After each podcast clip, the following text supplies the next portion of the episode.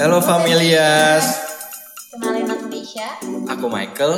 Nah sekarang kita mau bahas tentang apa nih? Kita mau bahas tentang eh, PCP nih kak. Kira-kira narasumbernya siapa ya? Hmm, kita sekarang lagi ada Kak Gilmore nih. Mungkin boleh kenalin diri ke Kak Gilmore. Oke, hai semuanya. Kenalin aku Gilmore dari IOP 29 eh, sebagai staf dari Departemen Project. Salam kenal. Salam kenal. Nah kesempatan kali ini kita bakal ngomongin tentang VCP nih. Nah pertama aku mau nanya dulu dong, VCP itu apa sih sebenarnya? Oke, jadi VCP itu eh, singkatan dari Village Concept Project. Dan di kegiatan ini tuh pastinya kita akan melakukan eh, pengabdian masyarakat dan terjun langsung ke masyarakat gitu. Nah, eh, VCP ini salah satu proker eh, utama project itu. Dari, kalau dari kakak sendiri nih, kenapa sih kakak tuh tertarik untuk ikut serta dalam PCP ini? Apa motivasi kakak gitu? Oke, jadi sebelum masuk IAS itu kan pasti kita uh, research dulu kan tentang departemennya. Nah, aku tuh dari awal emang udah pengen banget nih uh, berkontribusi dan ikut kegiatan yang terjun langsung ke masyarakat. Terus jadinya aku research tentang departemen project. Jadi emang dari awal tuh aku pengen banget uh, ngerasain gimana sih pengabdian ke masyarakat gimana sih kita uh, berkomunikasi langsung ke masyarakat terus gimana uh, kita ngebantuin masyarakat secara langsung pokoknya aku pengen belajar dari masyarakat desa gitu Oke keren banget ya. Nah itu kan dari kamu sendiri. Nah selanjutnya kenapa sih mahasiswa harus ikut di VCP ini? Dan kira-kira apa aja benefit yang bisa mereka dapat dari kegiatan VCP ini? Oke, kalau kenapa sih mahasiswa harus ikut? Eh, menurut aku sih mahasiswa eh, khususnya anak-anak IAS ya itu wajib banget ikut VCP karena eh, VCP ini tuh eh, seru banget deh pokoknya kalian di VCP tuh gak bakal gak cuma dapat pengalaman seru aja tapi eh, kalian nanti bisa terjun langsung ke masyarakat terus abis itu eh, pokoknya menciptakan kenangan-kenangan yang bahagia dah sama masyarakat sama teman-teman panitia juga pasti seru banget gitu. Dan benefit yang bisa kita, kalian dapat dari VCP ini tuh sebenarnya banyak banget ya. Mungkin nggak bisa aku sebutin satu-satu.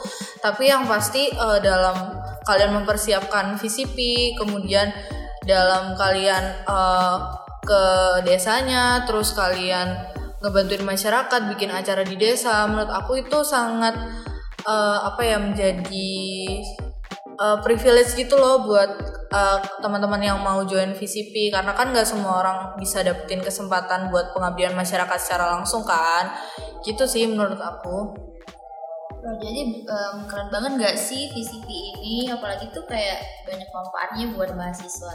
Bener Nah. banget. Kalau selanjutnya tuh kak, em, sekarang VCP ini tuh menaungi desa apa dan di mana? nah uh, kalau VCP ini uh, kalau di tahun sebelumnya kan kita ada di desa di desa Taji ya nah tahun ini tuh kita baru aja beralih ke desa Sukosari di kecamatan Gondanlegi Kabupaten Malang itu eh, desa binaan kita yang baru sih dan akan menjadi desa binaan VCP selama enam tahun ke depan. Nah terus apa sih pertimbangannya untuk kalian mendatangi desa Sukosari? Wow, kalau ditanya pertimbangan, hmm, jadi yang pasti sebelum kita milih desa tersebut itu kita eh, ngelakuin research dulu ya ke beberapa desa. Jadi nggak langsung, oh ini ada desa Sukasari itu enggak. Jadi eh, ada research dulu, terus kita juga eh, ngelakuin visitasi ke desa-desa itu. Kita lihat kira-kira di situ sumber daya manusianya gimana ya. Terus apa ya yang bisa diberdayakan dari desa tersebut? Apa yang bisa di, eh, adakah eh, suatu eh, apa ya kayak sumber daya yang bisa dijadikan produk dari desa tersebut gitu. Dan setelah kita research ke beberapa desa juga, eh, yang paling memenuhi syarat sih desa Sukosari ya, karena memang desa Sukosari itu eh, eh, dalam kondisi yang ya dia dia maju tuh, tapi eh, apa ya kayak kita masih bisa masih bisa membantu mereka untuk lebih maju gitu. Jadi eh, sedang eh, dalam tahapan desa yang berkembang gitu. Jadi itu alasan kita pilih Sukosari. Terus kak kalau dari kondisi masyarakatnya nih, gimana sih kondisi masyarakatnya itu yang kayak terhadap proyek ini di desanya itu? Kalau kondisi masyarakat, eh, mereka support sih. Kalau kemarin waktu kita karena ini kan juga desa baru ya, jadi kita juga masih pendekatan sama warga-warga di sana. Tapi eh, kemarin waktu kita beber- sempat beberapa kali visitasi ke sana, mereka juga orangnya eh, pada support terus ramah-ramah gitu. Terus eh, waktu kita jelasin program kerja kita, mereka juga eh, support gitu dan seneng gitu karena kita eh, memilih desa mereka buat jadi desa binaan karena mereka juga eh, mikirnya ya sama-sama belajar lah gitu. Jadi eh, sangat Kan tadi kakak tuh ada ngomongin tentang pendekatan ke masyarakatnya. Jadi em, gimana sih kak cara melakukan pendekatannya itu? Terus ada eh, kendala nggak di awal?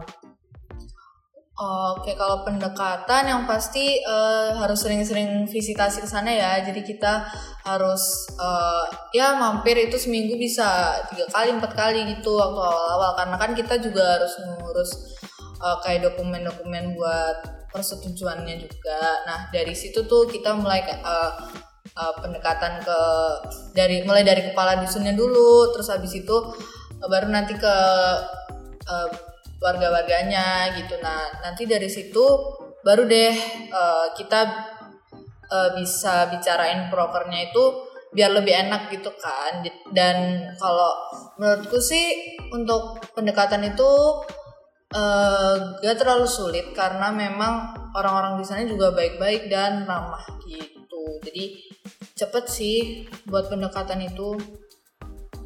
Nah, terus setelah kamu visitasi ke sana, apa sih yang jadi mata pencaharian utama masyarakat yang ada di sana? Kalau untuk mata pencarian, eh, mayoritas sih petani sama peternak sih ya itu eh, mayoritas eh, yang ada di desa itu. Tapi selain itu juga masih ada lagi sih, tapi mayoritasnya tetap petani sama peternak. Terus nih kak, em, kalau kegiatannya itu apa aja sih yang dilakuin selama kegiatan VCP ini?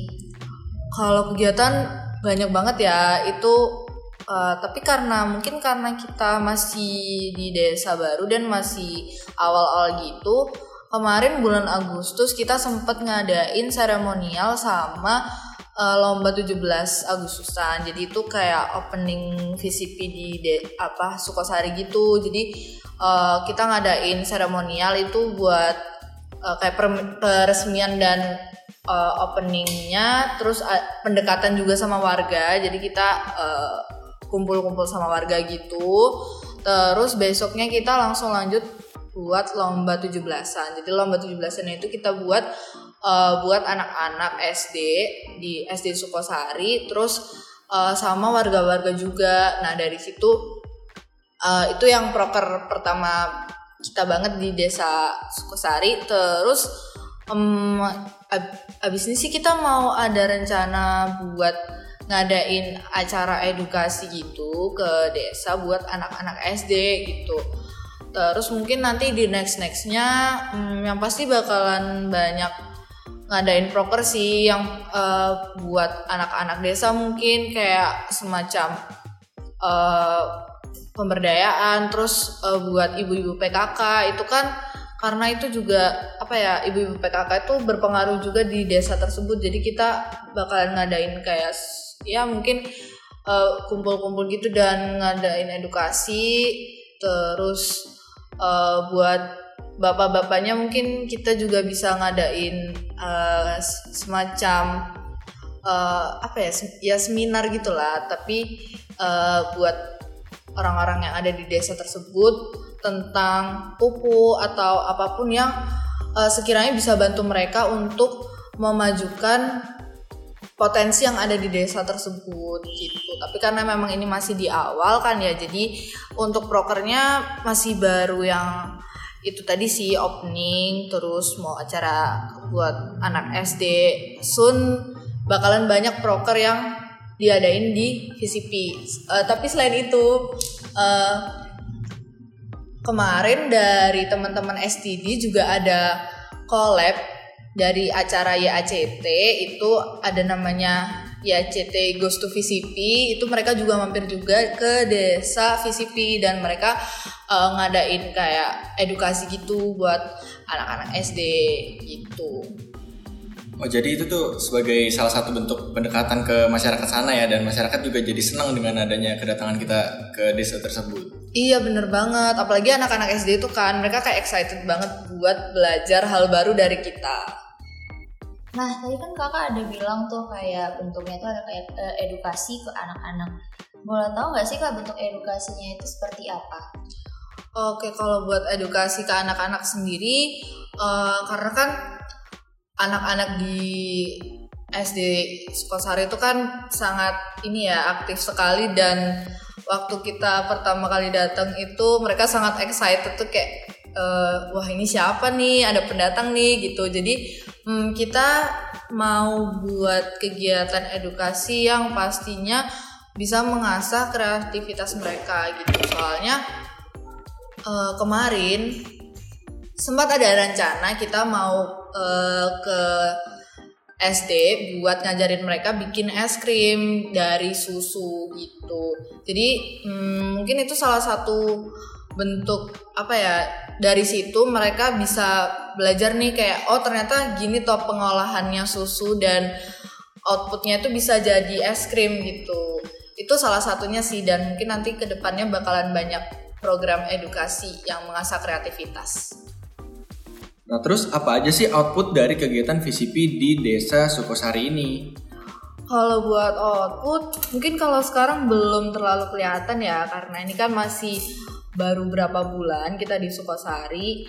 Uh, tapi uh, kalau sejauh ini, hmm, dari feedback dari warga-warganya itu juga apa ya mereka seneng gitu kalau kita ngadain acara di sana dan Uh, karena kita juga masih dalam masa penggalian potensi sumber daya alam itu uh, mereka juga bantu ngarahin nih kayak uh, misal kalau lagi ngobrol-ngobrol santai terus ada yang ada yang warga yang cerita kayak ini loh di sini ada uh, unggul di sini terus uh, kalau misalnya panen banyak yang panen ini gitu. Jadi uh, dari situ tuh kita udah bisa mikirin kayak oh kira-kira nanti di tahun-tahun berikutnya produk uh, VCP-nya bisa nih dari sini gitu. Jadi ya itu sih kalau buat output output selama satu periode ini uh, doain ya nanti di next next periode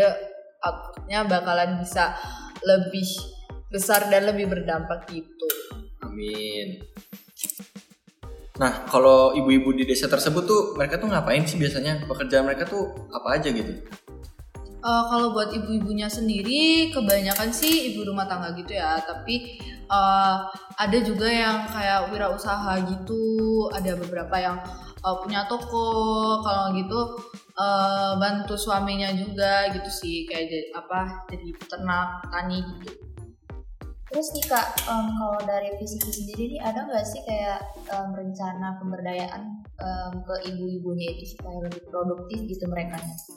Ada, jadi uh, di awal kita memang udah sempat ngerencanain ada program sharing buat ibu-ibu PKK karena uh, di Sukosari ini ibu-ibu PKK, ibu-ibu yang ada tergabung di PKK itu kayak memegang peran peran besar gitu di desa. Jadi yang pasti kita juga akan mengadakan kegiatan uh, buat beliau-beliau ini. Mungkin kegiatannya bisa berupa kayak edukasi wirausaha atau mungkin uh, kita ada semacam workshop gitu tentang pembuatan kue atau apa pun itu yang bisa bantu ibu-ibu PKK-nya biar lebih produktif dan bisa memaksimalkan potensi diri dan juga potensi yang ada di desa mereka gitu sih. Oke, jadi selama ngelakuin kegiatan VCP ini ada nggak sih kendala yang kalian hadapi? Wow, kalau kendala gimana ya sebenarnya ya banyak juga sih.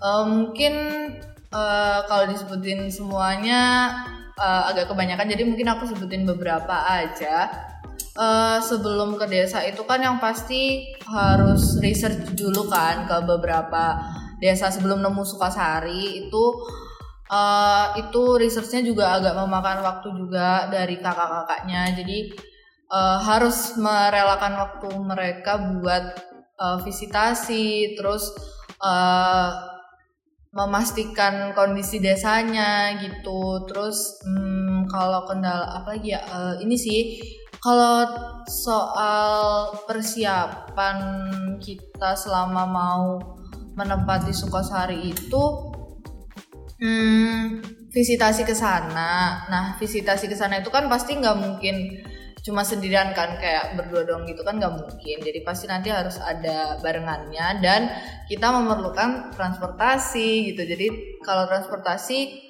kita kan naik motor nih, jadi bonceng-boncengan gitu. Nah, eh, kadang ada tuh apa kayak kekurangan motor dan kalau nggak gitu ya kendala-kendala kecil selama di jalan lah kayak motor mogok atau ban gembos kayak gitu-gitu selama selama di perjalanan yang yang memang ya itu eh, bisa terjadi secara tiba-tiba gitu. Terus eh, kalau kendala lagi mungkin eh, di awal itu sempat agak bingung juga sih sa- eh, sama warga desanya meskipun mereka baik-baik dan ramah-ramah nih tapi eh, ada fase di mana kayak kita bingung nih maksud dari mereka-mereka apa? Karena emang dari dari cul- culture-nya sendiri kan udah beda tuh. Kayak eh, mungkin dari segi bahasa karena kan nggak semua anak anak eh, OC ini bisa bahasa Jawa. Iya, jadi eh, kendala dalam komunikasi tuh eh, waktu kita memperkenalkan IAS karena ini kan organisasi in- internasional ya. Jadi mereka kayak agak bingung gitu. IAS apa? Nggak bisa bahasa Inggris. Mereka bahkan ngaku sendiri kayak nggak nggak ngerti mbak. Kayak gitu. Jadi ya kita harus mau nggak mau harus jelasin yang step by step gitu sih. Terus buat eh, masukin proker VCP ini ke desa itu juga eh, pendekatannya eh, kita harus jelasin berulang-ulang gitu dan harus kayak step by step dari kepala dusunnya terus kayak ke ke warga-warganya. Mulainya itu pelan-pelan gitu karena memang kayak mereka juga juga eh, apa ya memiliki pengen tahu nih kayak maksud dari tujuan kita pengen memberdayakan desa mereka tuh apa. Terus eh, mereka juga pasti pengen dong kayak pengen sesuatu dong dari kita. Maksudnya ya kita bisa memberi edukasi atau apa pun itu. Dan em, menurutku itu eh, agak sulit di awal karena memang perbedaan culture itu. Tapi ya karena ya selama kita melakukan pendekatan sering-sering visitasi terus eh, sering ngobrol juga sama warga-warganya aku rasa itu bisa teratasi dengan sendirinya sih. Terus eh, warga-warga di sana juga karena semenjak kita ngadain proker pertama itu mereka juga mulai eh, open ke kita terus eh, mulai kayak nanya-nanya gitu kayak kepo tentang yes apa sih? gitu kan. Terus kayak ngebantuin kita juga kalau misalnya kita mau ngadain acara di sana gitu. Jadi ya sejauh ini kendala-kendala untuk VCP eh, itu sih kalau ya kalau kendala- kendala-kendala kecil ya banyak sih mungkin aku nggak bisa aku sebutin satu-satu ya tapi ya gitu Nah, kan kamu udah ngalami kendala-kendala yang kamu bilang tadi tuh. Nah, apa sih yang bikin kamu terus konsisten gitu? Terus melakukan kegiatan di VCP ini? Oke, jadi yang eh, karena VCP ini juga eh, dia program yang berjalannya selama enam bulan ya dan eh, panitianya juga banyak. Eh, mungkin kalau di awal-awal gitu masih pada semangat ya. Ini mau visitasi nih, mau mau apa ke desa nih. Itu mungkin masih pada semangat semangat semua, tapi eh, di tengah-tengah nanti mulai ngerasa kayak udah sibuk sama kuliah, sibuk sama organisasi, terus jadi kayak ninggal VCP gitu. Nah, kalau aku sendiri sih eh, alasan aku tetap bertahan itu sebenarnya karena eh, komitmen yang udah aku ambil buat jadi panitia VCP karena kan buat jadi panitia VCP sendiri itu mungkin aku kasih spill-spillan ya itu kan eh, diseleksi ya. Jadi eh, buat seleksinya itu juga eh, agak apa ya menantang gitu. Jadi eh, itu salah satu alasan aku kenapa kok aku pengen terus di VCP karena memang seleksinya udah udah cukup menantang terus ya karena memang komitmen juga terus uh, emang juga sih kalau mau ninggalin VCP karena kan apa ya itu tuh nggak semua orang dapat privilege pengabdian masyarakat gitu. Jadi kalau aku sih kayak selama masih dikasih kesempatan why not gitu kita maksimalkan di situ gitu. Tapi pastinya kamu tuh juga seneng kan ketemu sama masyarakat di sana ketemu sama mereka ngobrol sama mereka gitu? Iya seneng banget karena apa ya sepulang dari prokor pertama aja kayak aku nggak dari prokor pertama sih dari visitasi aku pertama itu kayak aku udah bisa dapat banyak insight gitu dari warga-warga di sana gitu sih Terus nih kak, kita mau tahu dong kesan dan pesan kakak nih setelah melakukan misi di desa Sukosari. Wah kalau kesan-pesan yang pasti hmm, aku seneng banget karena ini pertama kalinya aku bisa melakukan kegiatan pengabdian masyarakat. Dan aku juga belajar banyak banget dari teman-teman panitia terus aku juga belajar dari warga-warga desanya. Jadi kayak apa ya kita nggak cuma memberi nih tapi uh, aku juga dapat feedback gitu. Dan menurutku itu sangat bermanfaat karena uh, dengan kita melakukan pengabdian masyarakat kayak aku bisa merubah pola pikir aku terus aku juga bisa belajar uh, culture mereka gimana sih caranya uh, kayak melakukan kegiatan di desa komunikasi sama warga desa yang pasti uh, kan beda banget ya sama kita kita yang apa yang kesehariannya di kota gitu. Dan menurutku itu sangat menarik. Jadi seru banget pokoknya ikut VCP nggak menyesal sama sekali. Nah terakhir banget nih, kenapa sih anak-anak IAS tuh harus banget ikut di kegiatan VCP ini?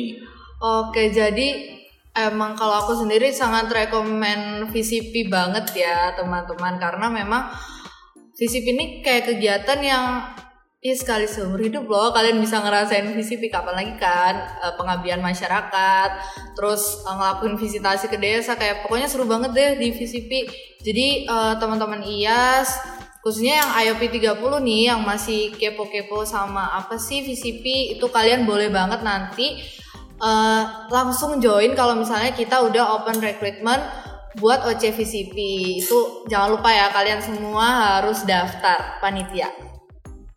Nah, berarti teman-teman IAS ini harus banget lo join di VCP ini dan ini tuh terbuka lo buat semua departemen di IAS. Bener banget tuh. Dan dari cerita pengalaman tadi, dari yang diceritain Kak Gilmore, kita pasti bisa dapat banyak pelajaran dari pengalaman yang udah diceritain tadi. Nah, kalau yang aku tangkap sih yang saat yang pertama belajar bekerja dalam tim, terus kita tuh bisa berbaur dengan masyarakat di sana dan juga bisa menerima perbedaan yang ada. Dan yang terakhir kita bisa mulai dari hal-hal yang kecil untuk mulai kasih manfaat ke masyarakat. Nah, teman-teman, segitu dulu podcast dari kita kali ini. Terima kasih buat Kak Gilmore yang udah nyempetin waktunya bareng kita buat share pengalaman dan info-info tentang PCV. Aku Nisha. Aku Michael. Sekian dari kita. Sampai jumpa di podcast selanjutnya.